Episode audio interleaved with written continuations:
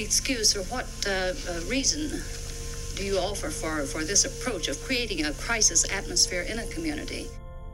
Betogingen tegen racisme eindigen altijd met geweld. Welk excuus heeft u om zo'n onrust of crisis te veroorzaken? Dat vroeg de witte journaliste Gay Pauley van UPI ooit op zeer hooghartige en gekleurde wijze aan de zwarte burgerrechtenactivist Martin Luther King.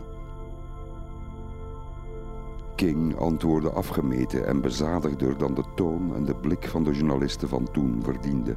Well, I think this is a temporary response in any social revolution. Or doesn't it hurt your cause? I don't think so ultimately. I think it helps it in the final analysis. The only way people can grapple with their prejudices is to admit that they have them. De enige manier voor mensen om te leren omgaan met hun ingebakken vooroordelen is door op zijn minst toe te geven dat ze bevooroordeeld zijn. Het gebeurt zo vaak dat mensen niet eens doorhebben dat ze vooroordelen hebben, of dat ze niet eerlijk toegeven dat het een probleem is. And uh, it is necessary in the nonviolent movement to bring the issue to the surface so that people are forced to deal with it and to deal with their conscience on the issue. Wanneer je opkomt tegen de krachten van het kwaad, dan zal je worden vervolgd vanwege zogezegde gerechtigheid. Je zal verwijten naar je kop krijgen en je zal geminacht of beschimpt worden. Ze zullen over je praten, ze zullen over je liegen. Je zal belaagd en vervolgd worden op vele manieren. Ze zullen je opnieuw in de gevangenis gooien in frustrerend kleine cellen. Martin Luther King had bij leven een groot inzicht in de menselijke natuur.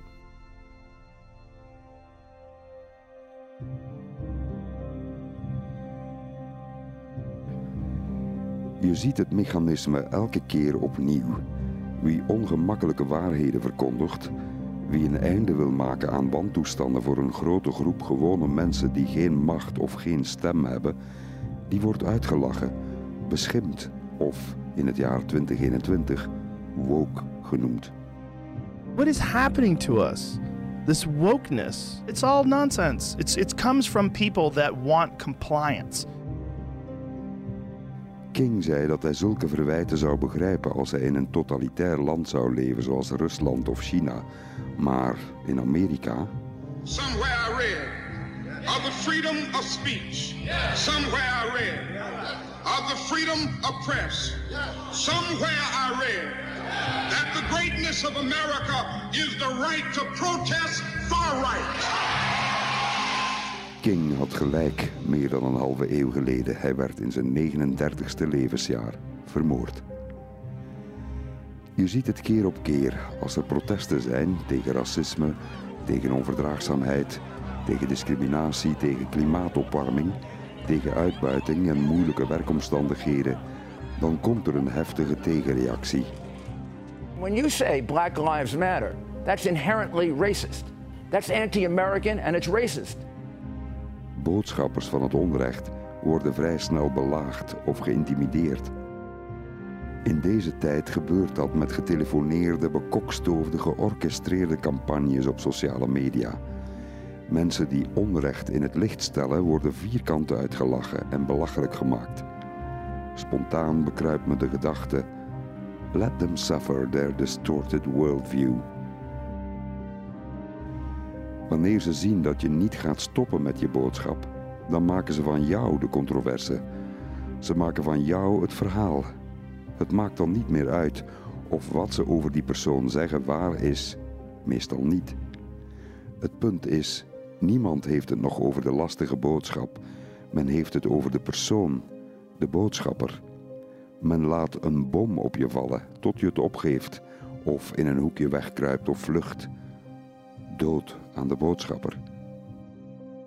Zoals in de tijd van Martin Luther King de grootste angst was dat zwarte Amerikanen en hun protest de manier waarop wit Amerika zichzelf wilde zien zou ondermijnen. Neem nu de jonge en idealistische klimaatactivisten Anuna de Wever en Greta Thunberg. People are suffering. People are dying. Entire ecosystems are collapsing. We are in the beginning of a mass extinction, and all you can talk about is money and fairy tales of eternal economic growth. How dare you! De tienersactivisten worden beschimd en in de hoek gedrumd of geminacht. That anger of that little girl, uh, it's, it's just disturbing. Where are the adults? We, we need some adults. Omdat ze te veel mensen confronteren met een ongemakkelijke waarheid. Dat de elites er vaak een potje van maken en ons klimaat nogal eens in de steek laten en blijven laten. In Glasgow andermaal. a two week long celebration of business as usual and blah blah blah.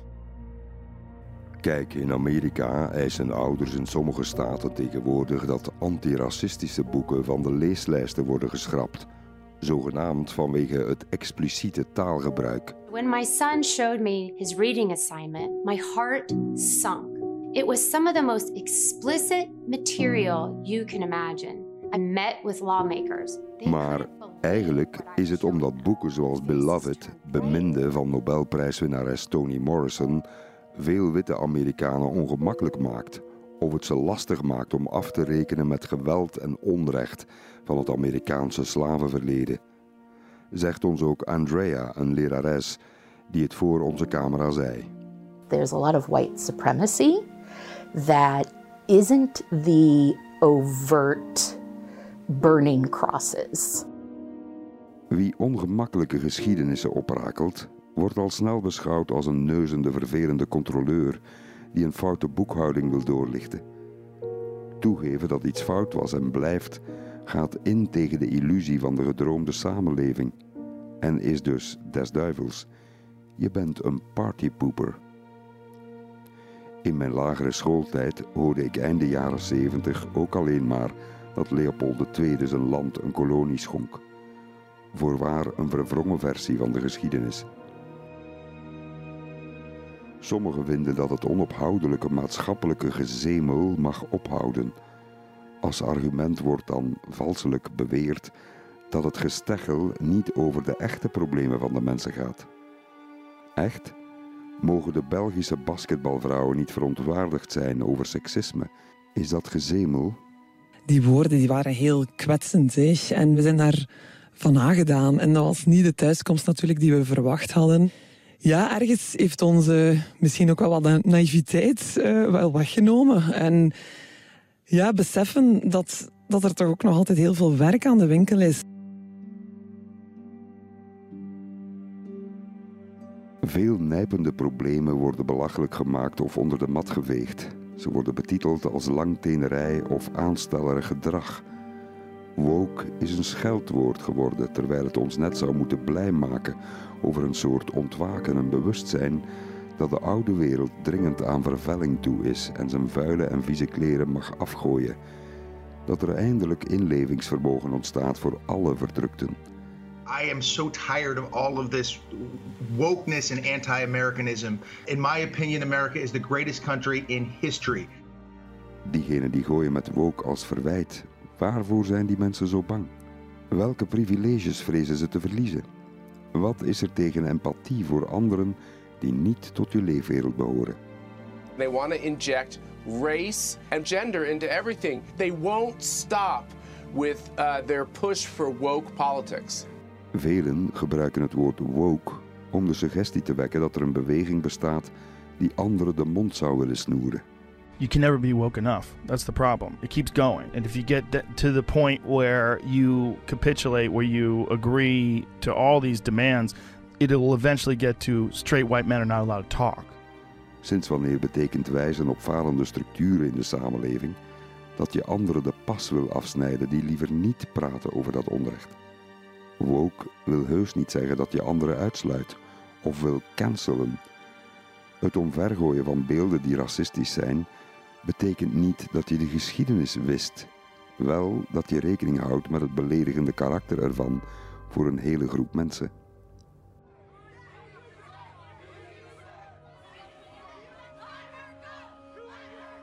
Ze gaan tekeer tegen het neerhalen van een standbeeld van generaal Lee in Richmond, Virginia.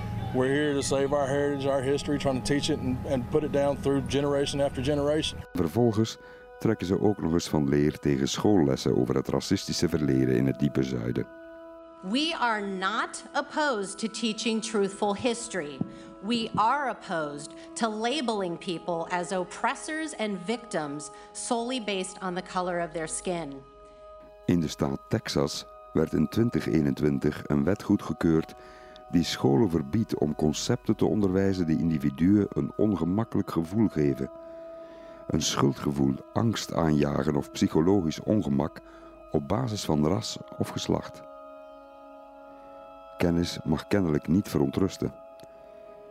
Iemand schreef dat Texas meer en meer een laboratorium wordt van idiocratie in plaats van democratie. Overal in het land roepen ouders op om boeken uit de schoolbibliotheken te verbannen, zoals het wonderlijk gevoelige boek en succesvol verfilmd Call Me By Your Name, over een ontluikende homofiele relatie van een tiener. Een moeder fulmineerde tegen het bekroonde boek 33 Snowfish over drie dakloze tieners, omdat er ook scènes in voorkomen over kindermisbruik en kinderporno. It's not age appropriate. It shouldn't be in the schools and it shouldn't be accessible to children of any age. Um, this is strictly unambiguous X rated material 18 and over only. Een andere bezorgde ouder had het geteld. Er waren te veel boeken in de rekken over homo's en lesbiennes en te weinig over Jezus en te veel over moslims. Zelfs een non-fictieboek over de Ku Klux Klan moest uit de bibliotheek worden verbannen. Er lijken echt wel boekverbrandingen op komst. In wat voor tijd leven wij? Wat zeker ook waar is, de assertiviteit van bijvoorbeeld LGBTQ-activisten is veel krachtiger dan het activisme van stemloze kansarmen in de samenleving. Mensen over wie gesproken wordt, maar dan vaak als over personen die er eigenlijk niet zijn of onzichtbaar blijven. Veel van de woede in onze samenleving wordt vakkundig georchestreerd en gestuurd. That is a massive migrant caravan traveling through Mexico. They're chanting Si se puedo or Yes we can as they're trekking toward the United States. Vooral radicaal rechts weet zeer goed hoe je gewone mensen met grote zorgen woedend voor de kar kan spannen. Zeg er wel altijd bij dat het de schuld is van de hoogopgeleide elite. The former president explained that we must give citizenship to illegal immigrants as a reward for providing low wage labor to companies who don't feel like paying American wages. Well, this is the magical world of our elites, people who've never had to worry about how illegal immigrants might affect their kids' schools. Woede bij mensen pook je op door te zeggen dat er voorkruipers zijn in hun moeilijke bestaan. Immigranten, vluchtelingen of asielzoekers. Of dat ze straks allemaal verplicht naar de moskee zullen moeten, met al die horde moslims. Of dat ze straks allemaal verplicht lesbisch of transgender moeten worden. En dat links abortus alleen maar ziet als een makkelijke oplossing om foetussen te doden op aanvraag en seks te hebben zonder gevolg. Ja, toegegeven, er is geregeld al te veel hysterie over een beeld, een woord of een misplaatste smakeloze grap. Consternatie als een witte man op een verkleed feestje voor de pret een pruik van Michael Jackson opzet. Schande, cultural appropriation. Bepaalde vormen van humor zijn gevaarlijk. The director of the opening ceremony was fired hours before the event because they found out there was a Holocaust joke in a comedy routine he did decades ago. How bad does this atmosphere we are living in have to get before the people who say cancel culture is overblown admit that is, in fact, an insanity that is swallowing up the world?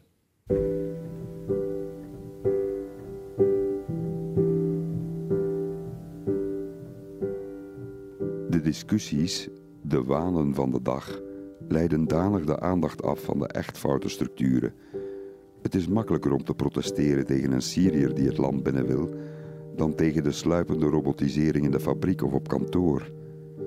Iemand met een gezicht is makkelijker om te haten dan een structuur, een ding of een machine.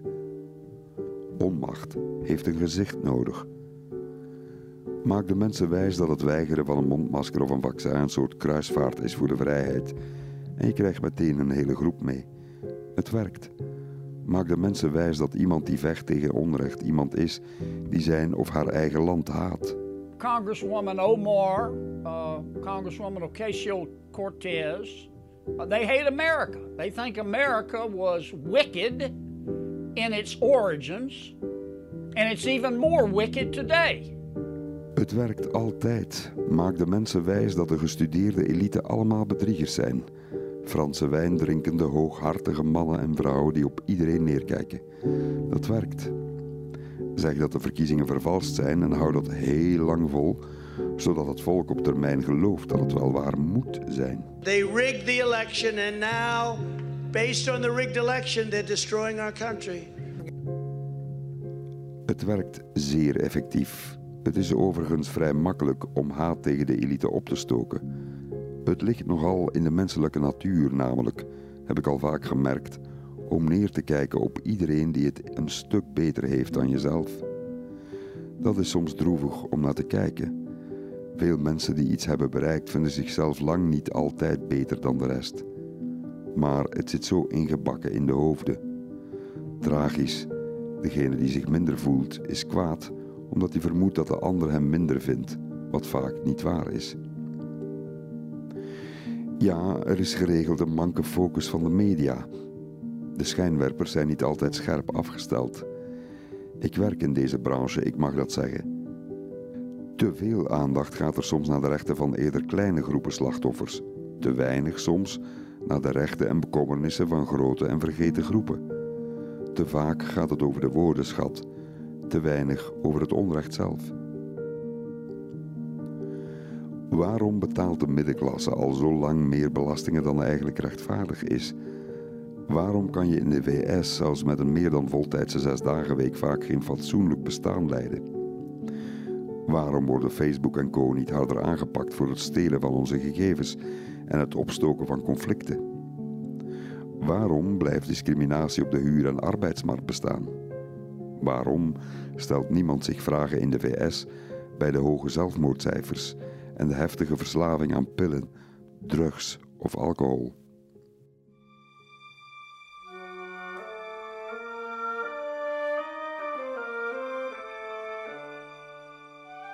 De onmetelijke afstand tussen wie heeft en niet heeft, daar gaat het vaak niet over. Miljardairs die het nog altijd niet snappen, ontspringen de dans. Ik werk hard, dus mag ik ook genieten van de vruchten van mijn harde werk. Je hoort het vaak uit de monden van grootverdieners. Work hard, earn hard, play hard, beweren ze. Ze vergeten dat lage loonwerkers ook hard zwoegen. Neem Elon Musk. Toen hij hoorde dat de regering Biden een soort minimumbelasting wilde invoeren voor miljardairs, miljardairs die veel minder belastingen betalen dan de modale burger, gemiddeld 8% is hun tarief na allerhande achterpoortjes. Toen fulmineerde Elon Musk. Eventually they run out of other people's money and then they come for you. If we don't cut government spending, something really bad's going to happen. This is crazy. Our, our, our spending is so far in excess of revenue, it, it's insane. Musk is sinds kort de allerrijkste man ter wereld. Hij bezit ruim 230 miljard dollar.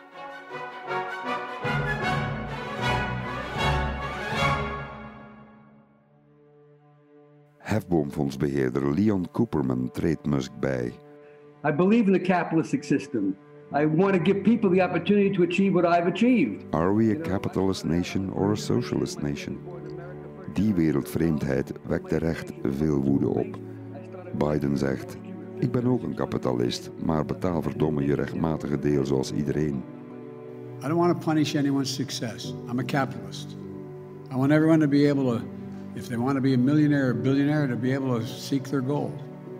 But all I'm asking is pay your fair share. Pay your fair share. Pay your fair share. 800 Amerikaanse miljardairs bezitten samen 5000 miljard dollar. 5 biljoen. Dat is dubbel zoveel als het totale BBP van Rusland en Brazilië samen. Echte kapitalisten, zegt men, zijn toch voor competitie en voor vrije concurrentie, toch niet voor oligarchie, gigantisme en monopolies. Mensen die willen dat ook de ultrarijken een beetje meer belasting betalen, noemen ze neerbuigend de racisten van de intelligentsia. Als een groeiende groep gewone mensen het niet meer pikt dat de inkomens niet rechtvaardig verdeeld zijn, als mensen voelen dat loon naar werken niet altijd meer opgaat, dan nemen sommige uitgekookte politici hun toevlucht tot propaganda om die terecht boze massa op sleeptouw te nemen. Ze vervangen de harde realiteit door een bemiddelijke en effectieve vorm van fictie. Het werkt. Verzin nieuwe vijanden als je merkt dat men begint te begrijpen dat slechts een handjevol mensen de privileges van de beschaving geniet. Als men begrijpt dat sociale problemen bij de wortel moeten worden aangepakt om de situatie te veranderen. Propaganda blaast gebeurtenissen op, trekt ze uit hun context en zegt over protest tegen onrecht dat het een onmiskenbaar bewijs is van een gevaarlijke communistische machtsovername. Zo heeft Donald Trump het altijd gedaan en nog. Hij lokte de arbeidersklasse door terecht de zwakke plekken in de samenleving te benoemen. Skilled craftsmen and tradespeople and factory workers have seen the jobs they loved shipped thousands and thousands of miles away. This wave of globalization has wiped out totally, totally our middle class. Aan de fundamentele oplossing van de problemen is Donald Trump helaas nooit toegekomen. Om de woede van zijn witte achtergestelde kiezers gaande te houden, doet hij er alles aan om de ene groep werkmensen de andere te laten verachten. Zo wordt een alliantie van alle niet-rijke mensen, wit en zwart, samen verhinderd. Een geniale tactiek om echte verandering te dwarsbomen, verdeel en heers. De echte tweedeling in Amerika is heus niet de verdeeldheid tussen rassen of generaties, maar tussen rijk en machtig en wie geen macht of geen geld heeft. Noam Chomsky, de schrijver, activist en beroemde taalkundige, intussen bijna 93 jaar oud, zegt dat al decennia lang. So what you have to do is marginalize them in one way or another, turn them against each other, uh, aim, turn their anger against vulnerable people. That's a standard technique. Look at the ones who are more vulnerable. Uh, immigrants, uh, the poor, you know, Muslims, blacks, anybody. It's like an almost logical consequence of the socioeconomic policies which have been imposed and lauded, in fact, by elites, including liberal elites. Speel de niet-rijken tegen elkaar uit en je kunt alles behouden zoals het is. En je krijgt er nog eens de volksliefde van één niet-rijke groep bovenop. Politiek geniaal gespeeld. Leugenachtige propaganda werkt en verdringt effectief de realiteit. Goedkoper onderwijs, betaalbaarder kinderopvang, kinderbijslag en ouderschapsverlof bestempel dat dus niet als sociale rechtvaardigheid, maar als de machtsovername van een verspilzieke overheid en regering. The latest draft of the Build Back Better proposal comes in at a whopping $1.7 trillion. The socialists, the left wing, and the Democratic Party, they can't seem to come to terms with how much of your money they like to spend and how much they want to tax you. Zeg er meteen bij dat ze jouw belastinggeld verkwanselen. En zeg er ook bij dat ze ook je denken gaan controleren, dat ze je gaan muilkorven. Het werkt.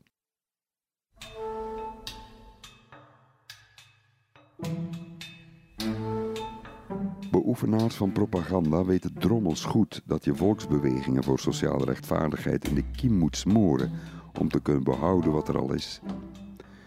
Wanneer je een steentje van de top van de berg naar beneden gooit, kan dat een lawine veroorzaken.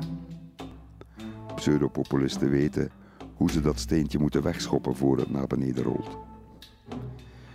En zo gaat ons denken in sneltreinvaart terug naar de stammentijd. Hysterie heerst over de foute dingen en geloof en hoop worden de grond ingeslagen. Van de geschiedenis wordt een gefantaseerde verdraaiing van de werkelijkheid gemaakt. Van schurken wordt onterecht vereerde helden gemaakt. Van concrete reële feiten worden mythes en fictie gefabriceerd. We kijken naar en we leven in een circus van bedriegers. Ook de hypocrisie van vele zogezegd progressieve mensen helpt niet. Opkomen tegen racisme en voor sociale rechtvaardigheid, maar tegelijk je kind naar een privéschool sturen waar geen armere zwarte kinderen komen. Hypocrisie regeert de wereld. Hoe rijker een buurt, hoe meer geld de scholen in die buurt krijgen via de belasting op vastgoed.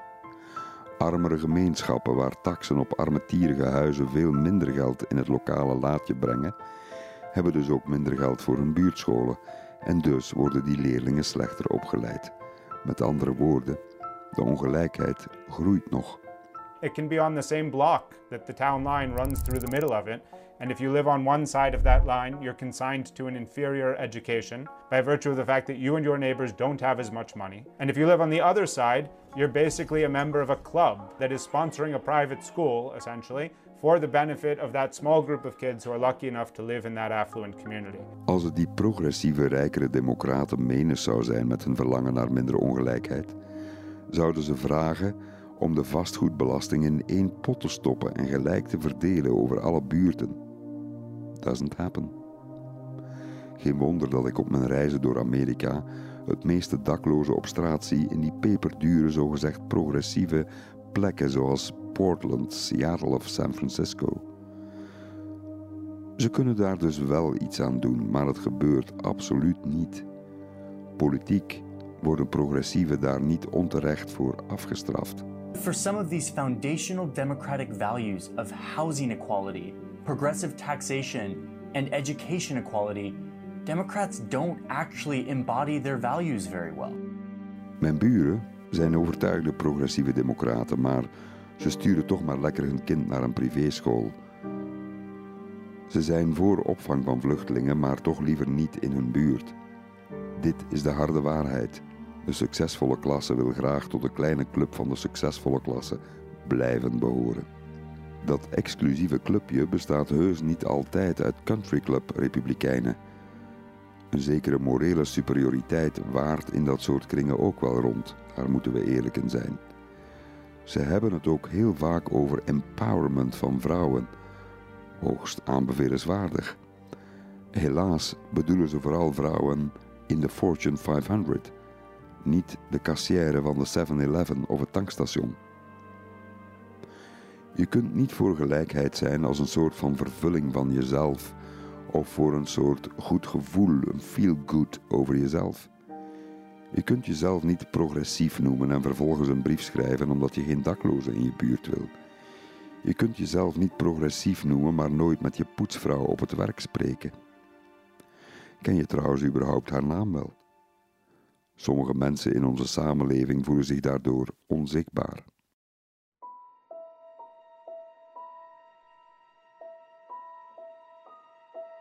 Zoals een zwarte vriendin van mij, Mamie en Katja Boatema.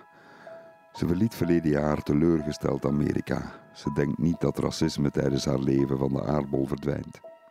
Sometimes in America, I feel like my only option is to forever prove myself, prove that I'm good enough.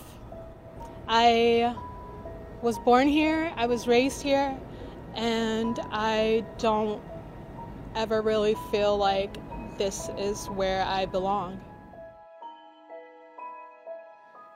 Mensen propageren geregeld waarden die ze zelf niet naleven.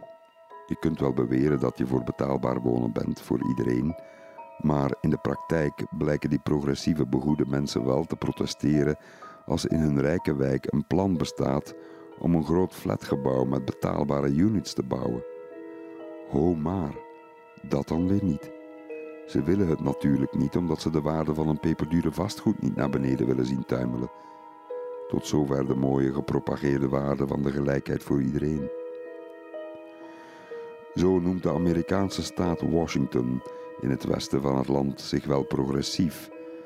Maar als je kijkt naar een belastingssysteem, dan blijken minder begoeden 17% van hun inkomen af te dragen aan de lokale fiscus. En de allerrijksten, zoals Jeff Bezos of Bill Gates, amper 3%. Een regressief in plaats van progressief belastingssysteem. Niet boos zijn als je dan een hypocriete progressief wordt genoemd. Schrijver Anand Giridharadas noemt dat de elite charade of changing the world. Een progressieve schertsvertoning, een hypocriete show. What I think in general the winners of our age are unwilling to do. They're not willing to pay higher taxes or just stop avoiding them. They're not willing to pay people more to do their jobs. Um, they're not willing to stop lobbying against austerity and the kinds of public policies that we know are going to hurt people but benefit financial elites.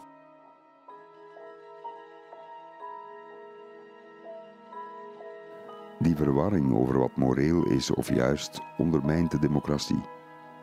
Progressief zijn omdat het past bij je identiteit, dat richt onnoemelijke schade aan. Het is een leeg, toondoof universum. Niemand gelooft je nog. Zoals Obama, de grote vernieuwer, de man van de mooie toespraken, die uiteindelijk de Amerikaanse werkmens in de steek liet met zijn niet vervulde beloften en veel morele schade aanrichtte met zijn dure verjaardagsfeestje. VIPs only. Former President Barack Obama turned 60 this week, and he is spending the big 6 among the stars. Stars like Gabrielle Union, Dat feestje van Obama wekte veel woede op, niet zomaar uit afgunst. Als je beweert dat je een man van het volk bent, verwacht men iets anders van je terecht. Als je vervolgens ook nog eens neerkijkt op die boosheid van de burgers.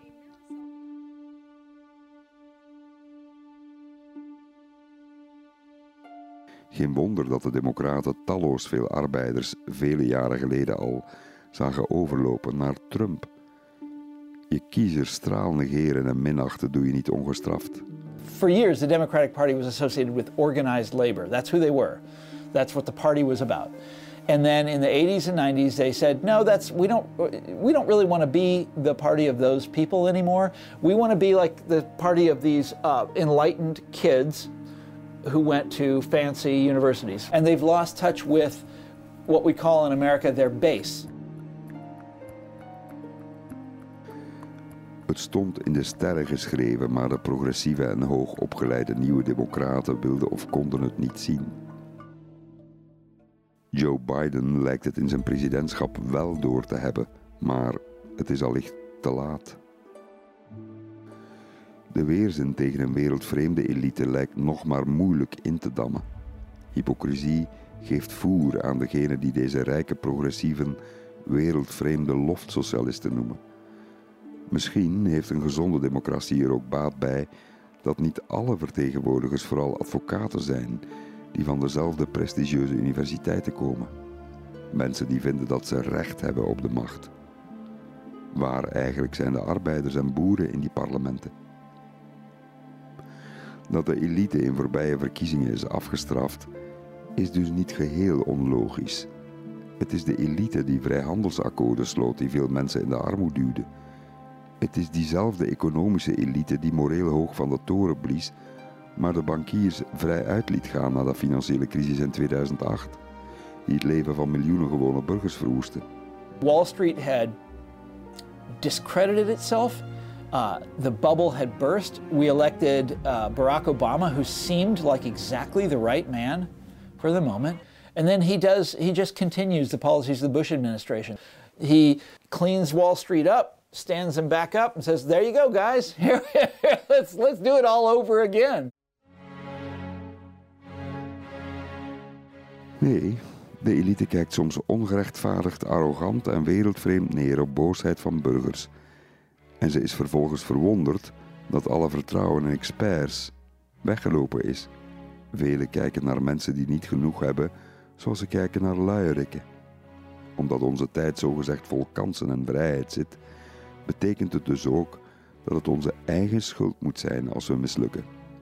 De meritocratie heeft voor velen niet gebracht wat ervan was verwacht. Er is daarnaast ook nog eens heel veel vals nieuws in omloop. Ik merk dat mensen confronteren met die onzin en schijnheiligheid niet helpt. Aan geen enkele kant van het politieke spectrum. Een litanie van fabels en fictie bestoken met de juiste informatie lokt nog meer woede uit.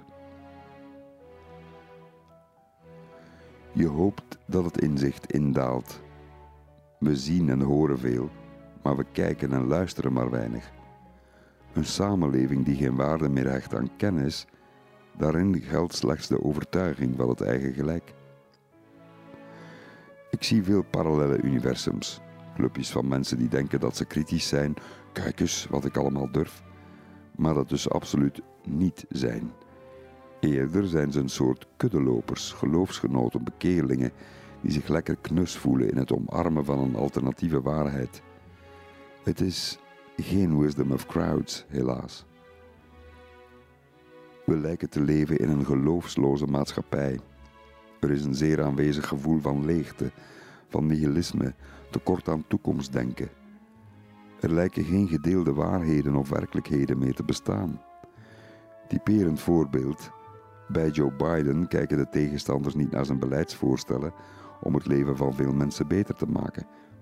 Liever verspreidt men via Sky News Australia van Rupert Murdoch en andere dubieuze mediakanalen aan de lopende band allerhande video's over een woord waar de president niet kan opkomen of over wat gestotter, waarmee men meteen ontslagen is van de morele plicht om naar zijn voorstellen te kijken of om het debat echt aan te gaan. This man needs a retirement home and a warm bowl of soup, not access to the nuclear codes.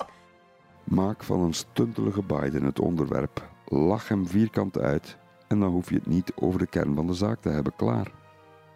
En de journalistiek? Moet die zwijgen? Is zwijgen nog een optie? Moet de journalist gewoon aan de zijkant luisteren en kijken en doen alsof de wereld en de perceptie erover nog altijd zijn zoals vroeger? Ik denk het niet, al zie ik veel zwijgende journalisten. Ze lijken toondoof voor de harde, meedogenloze tijdgeest. Sommigen zijn al lang blij, vermoed ik, als ze niet zelf worden beschimd op sociale media. Ook zij zijn bang uit lijfsbehoud. Het vraagt enige moed om je nek uit te steken in een tomeloos tijdperk. Voor je het weet, word je zelf gecontroversialiseerd.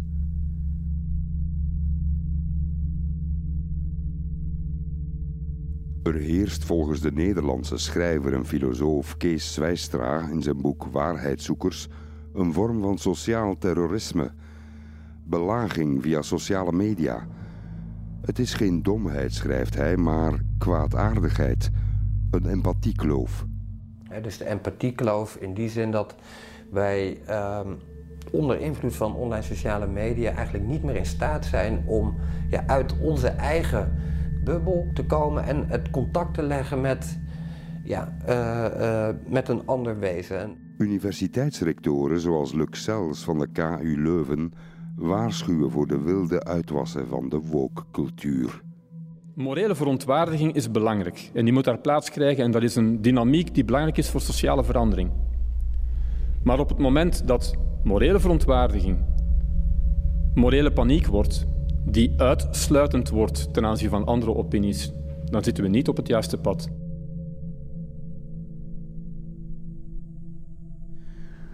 Moet je manifeste leugens zien als een rechtmatige vorm van vrije meningsuiting?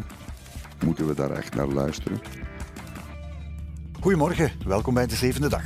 Media geven geregeld een forum aan mensen die de samenleving onvoorstelbare schade toebrengen. COVID, dus wij kunnen niet zeggen dat de doden door de vaccinatie komen.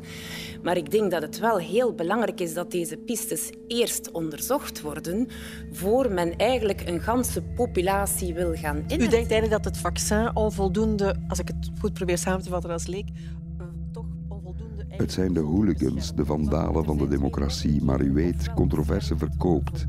Dus wordt er een forum gegeven. Ophef en opwinding. Het verkoopt als iemand zegt dat de aarde plat is.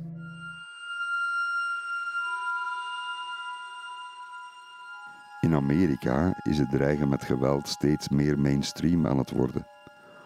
Op een rally van conservatieven in Boise, Idaho, in oktober 2021, liep een jonge man zonder schroom naar de microfoon en vroeg wanneer hij op democraten mocht beginnen schieten om ze te doden. We're living under a corporate and medical fascism. This is tyranny.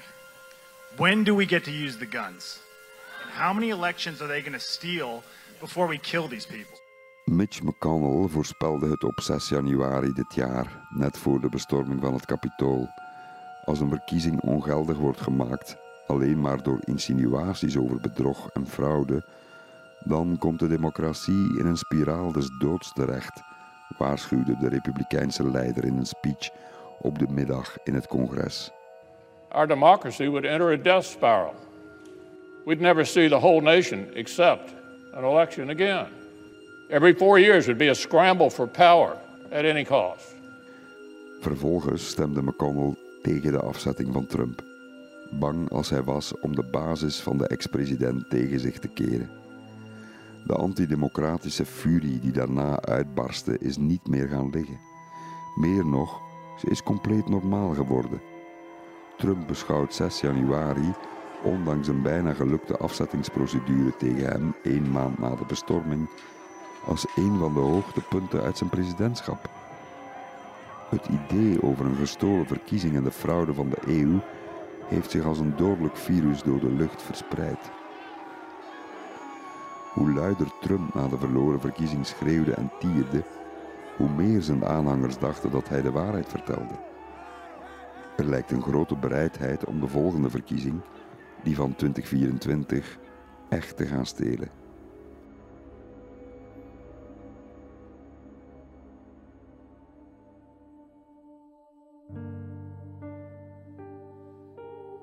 Grondwetspecialisten zien meer en meer parallellen tussen wat Trump doet en de anticommunistische paniek en heksenjacht in de jaren 50 van de vorige eeuw, toen aangevuurd door de befaamde senator Joseph McCarthy uit Wisconsin.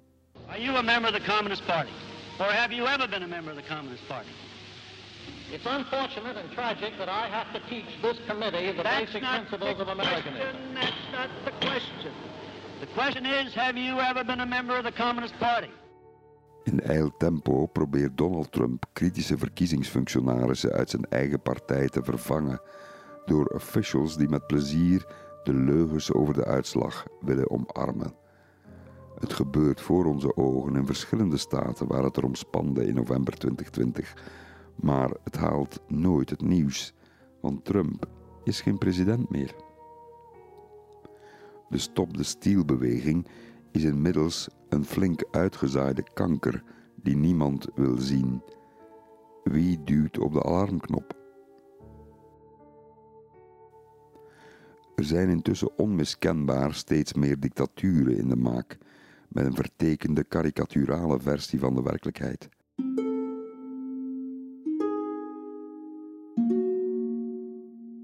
De tragedie is deze. U of ik kunnen er met verstand en redelijke argumenten niet meer tegen vechten. De wereld lijkt in een staat van waanzin. De jacht op vermeende linkse subversieve elementen is andermaal, zoals in de Koude Oorlogstijd, de obsessie geworden. Komen er straks ook weer boekverbrandingen, heksenprocessen, een soort inquisitie die waakt over onze rechtzinnigheid? De naam van de roos. Geloof heeft denken vervangen. John Updike schreef ooit in Rogers' version: Doubt may give your dinner a funny taste, but it is faith that goes out and kills. The devil is the absence of doubt.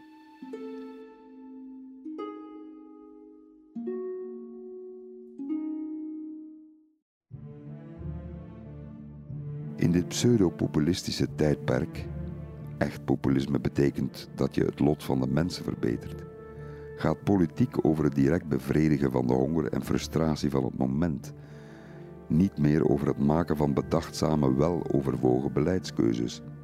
Alles komt neer op het bevredigen van de woede en de luim van het moment. Heigerig reageren op incidenten met een angstige blik op de peilingen. Donald Trump had echt succesvol kunnen zijn als hij ook echt het lot van gewone mensen had verbeterd. Maar helaas, er kwam geen beter leven, er kwam geen betere ziekteverzekering, er kwam geen hoger minimumloon, er kwamen geen fatsoenlijke lonen voor de onderklasse die hij beweerde te omarmen. Donald Trump verlaagde vooral de belastingen voor de rijke Amerikanen. Feit, vervuilende bedrijven konden weer lekker hun gang gaan. Ten nadele van de gezondheid van de werkman. Feit. Trump kwam overal mee weg. En nee, hij heeft het moeras van Washington niet gedrecht. Draining the swamp, Amahula. Wel een tegendeel. De Amerikaanse democratie is helemaal gekaapt door belangengroepen die mismeesterde massa's op bijna misdadige wijze voor hun kar spannen. Echt populisme is tegen elites die zichzelf alle kennis en macht toe-eigenen, maar wil tegelijk iedereen toegang geven tot wetenschap en cultuur. Niet langer de geleerde klasse tegenover het domme klootjesvolk.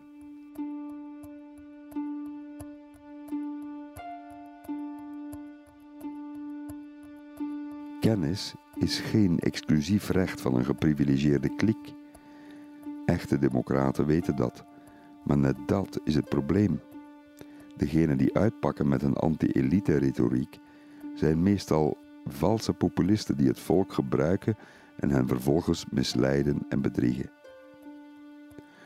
De voor ons nu onbekende Fred Harris was in 1976 een echte populist voor het volk. Harris deed mee aan de voorverkiezingen bij de Democraten als kandidaat-president. Hij was senator voor de staat Oklahoma. Too few people have all the money and the power, and most people have little or none.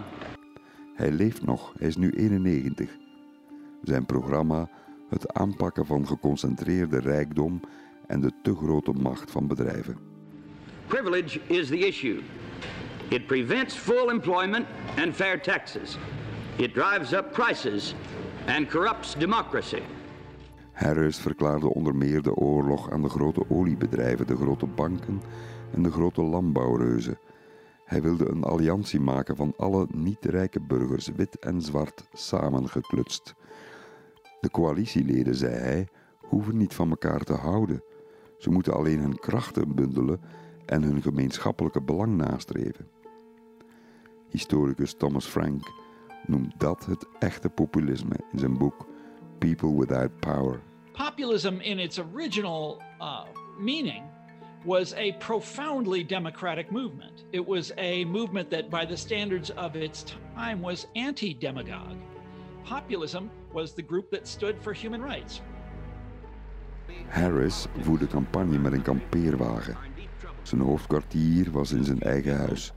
Een low-budget campagne, hij noemde het een people's campaign. The basic question in 1976 is whether our government will look after the interests of the average family or continue to protect the super rich and the giant corporations. Hij was de Bernie Sanders van de jaren 70. In ons huidige tijdperk is het een pastoor uit North Carolina, William Barber, die een moderne Poor People's Campaign voert, een voortzetting van Martin Luther King in 1968. We have the moral contractor's license to reconstruct the nation. That's why we're gathering all over the nation. It's why we're building power among poor and low wealth voters. It's time, it's past time to go to work. Barber vaart tegen de stroom in, tegen de klassieke democratische partij van consultants en de technocraten van het status quo. Met één centrale vraag: voor wie bestaat Amerika eigenlijk? Geen demagogie, geen racisme, geen vormeloze woede om de woede, maar verandering in het belang van de grootst mogelijke groep mensen. Nee, woke is geen tirannie of litanie van progressieve vooruitstrevende meningen. Het is wijzen op ongemakkelijke waarheden van de samenleving. Echt woke zijn draait dus niet om politiek correcte woordenschat. Wel is het de mentale paardenbril afzetten, de oogkleppen verwijderen, niet blind blijven voor het falen van de samenleving. Wijzen op het falen is niet onpatriotisch, maar juist heel vaderlandslievend je land beter willen maken met de kracht van het optimisme, maar met woorden gekoppeld aan actie. Walk your talk. Vreemd, wie wijst op onvolkomenheden wordt meteen weggezet als een huilerig watje en extreem linkse rat de uitwassen van het politiek correct denken duwen de echte problemen helaas weg. Onze tijd is soms ziek aan overdadig gebruik van luidruchtige verontwaardiging.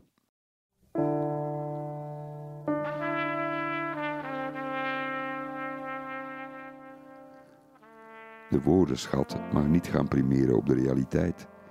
De gevoeligheid over een woord krijgt tonnen meer aandacht dan de harde, onrechtvaardige structuren Terwijl dat de kern zou moeten zijn van elke verontwaardiging, empathie voor verdrukten, voor mensen die oneerlijk worden behandeld.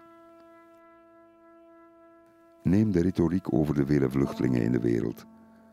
Volksverhuizingen kan je niet tegenhouden, zolang de redenen om zich te willen verplaatsen blijven bestaan. Het enige wat die mensen willen is leven zonder de angst dat ze elk moment kunnen sterven. Ik zag het in de ogen van een Nicaraguaanse moeder in Eagle Pass, aan de Texaans-Mexicaanse grens. Geen wet, geen muur, geen prikkeldraad of rivier kon haar en haar twee dochters tegenhouden. Bueno, yo deseo una vida mejor para ellas y, y que ella se le quite todo este trauma, porque yo sé que vienen con ese trauma. Wanhoop, schreef Ilja Leonard Pfeiffer in brieven uit Genua, is altijd sterker dan een hek.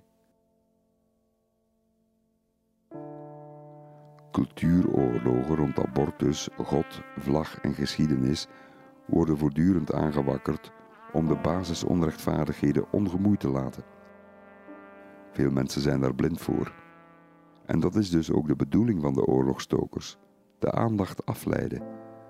Let er maar eens op, ze vallen bijna altijd de culturele elite aan en maar zelden de economische elite. Maar hun kiezers hebben dat niet door. Chaos wordt gecreëerd en permanente ontevredenheid aangewakkerd om het verlangen naar een sterke leider te faciliteren. Het werkt.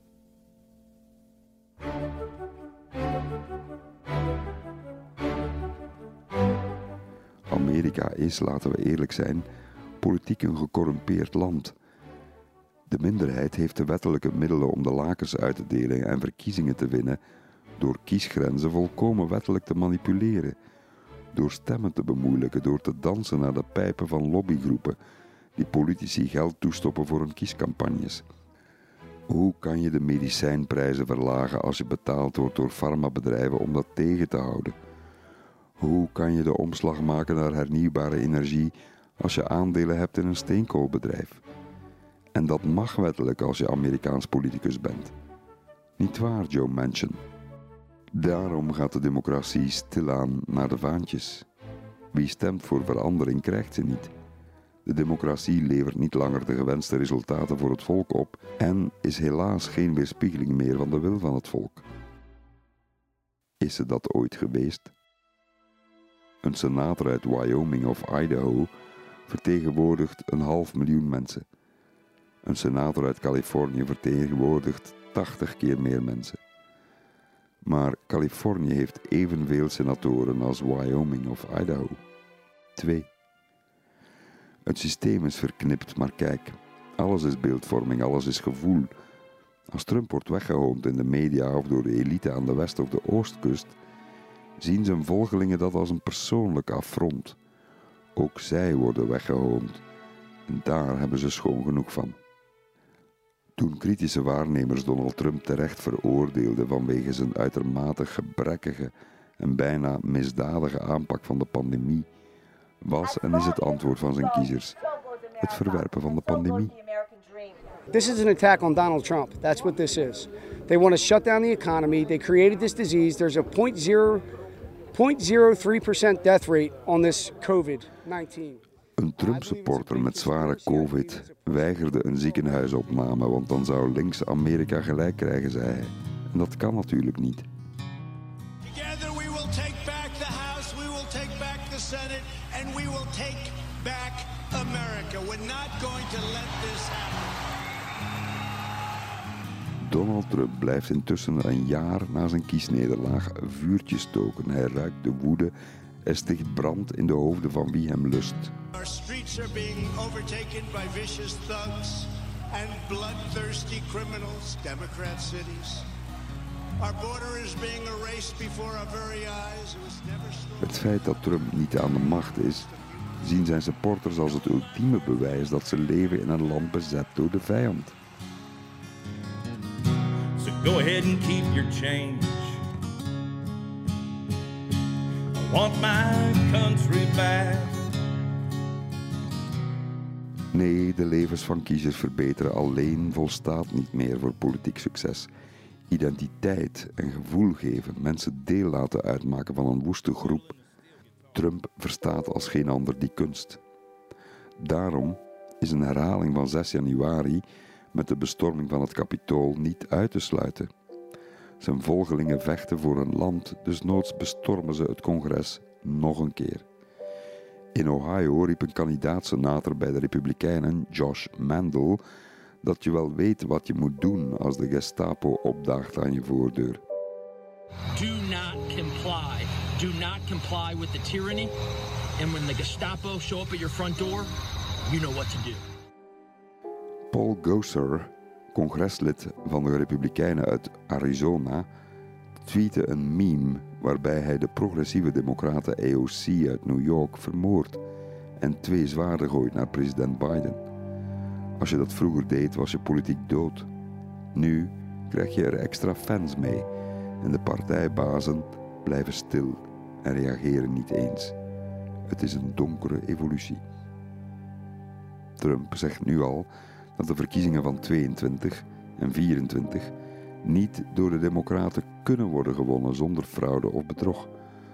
Als de Democraten toch zouden winnen, dan weten Trump-volgelingen exact wat ze moeten doen. Voor hen is het bijna een soort jihad, een heilige oorlog. Politiek geweld is geen fenomeen in de marge meer. Een ex-president moedigt het aan. Knock the hell out of them. Ik heb het hem verschillende keren horen zeggen op zijn rallies. Knock the crap out of them, would you? Seriously. Okay? Just knock the hell. I promise you, I will pay for the legal fees. I promise. Onwetendheid zal binnenkort mogelijk de wereld om zeep helpen. Maar misschien is er nog hoop. Wijlen de zwarte schrijfster Toni Morrison heeft misschien wel de verstandigste woorden. There is no time for despair. No place for self-pity. No need for silence. No room for fear. We speak, we write, we do language. That is how civilizations heal.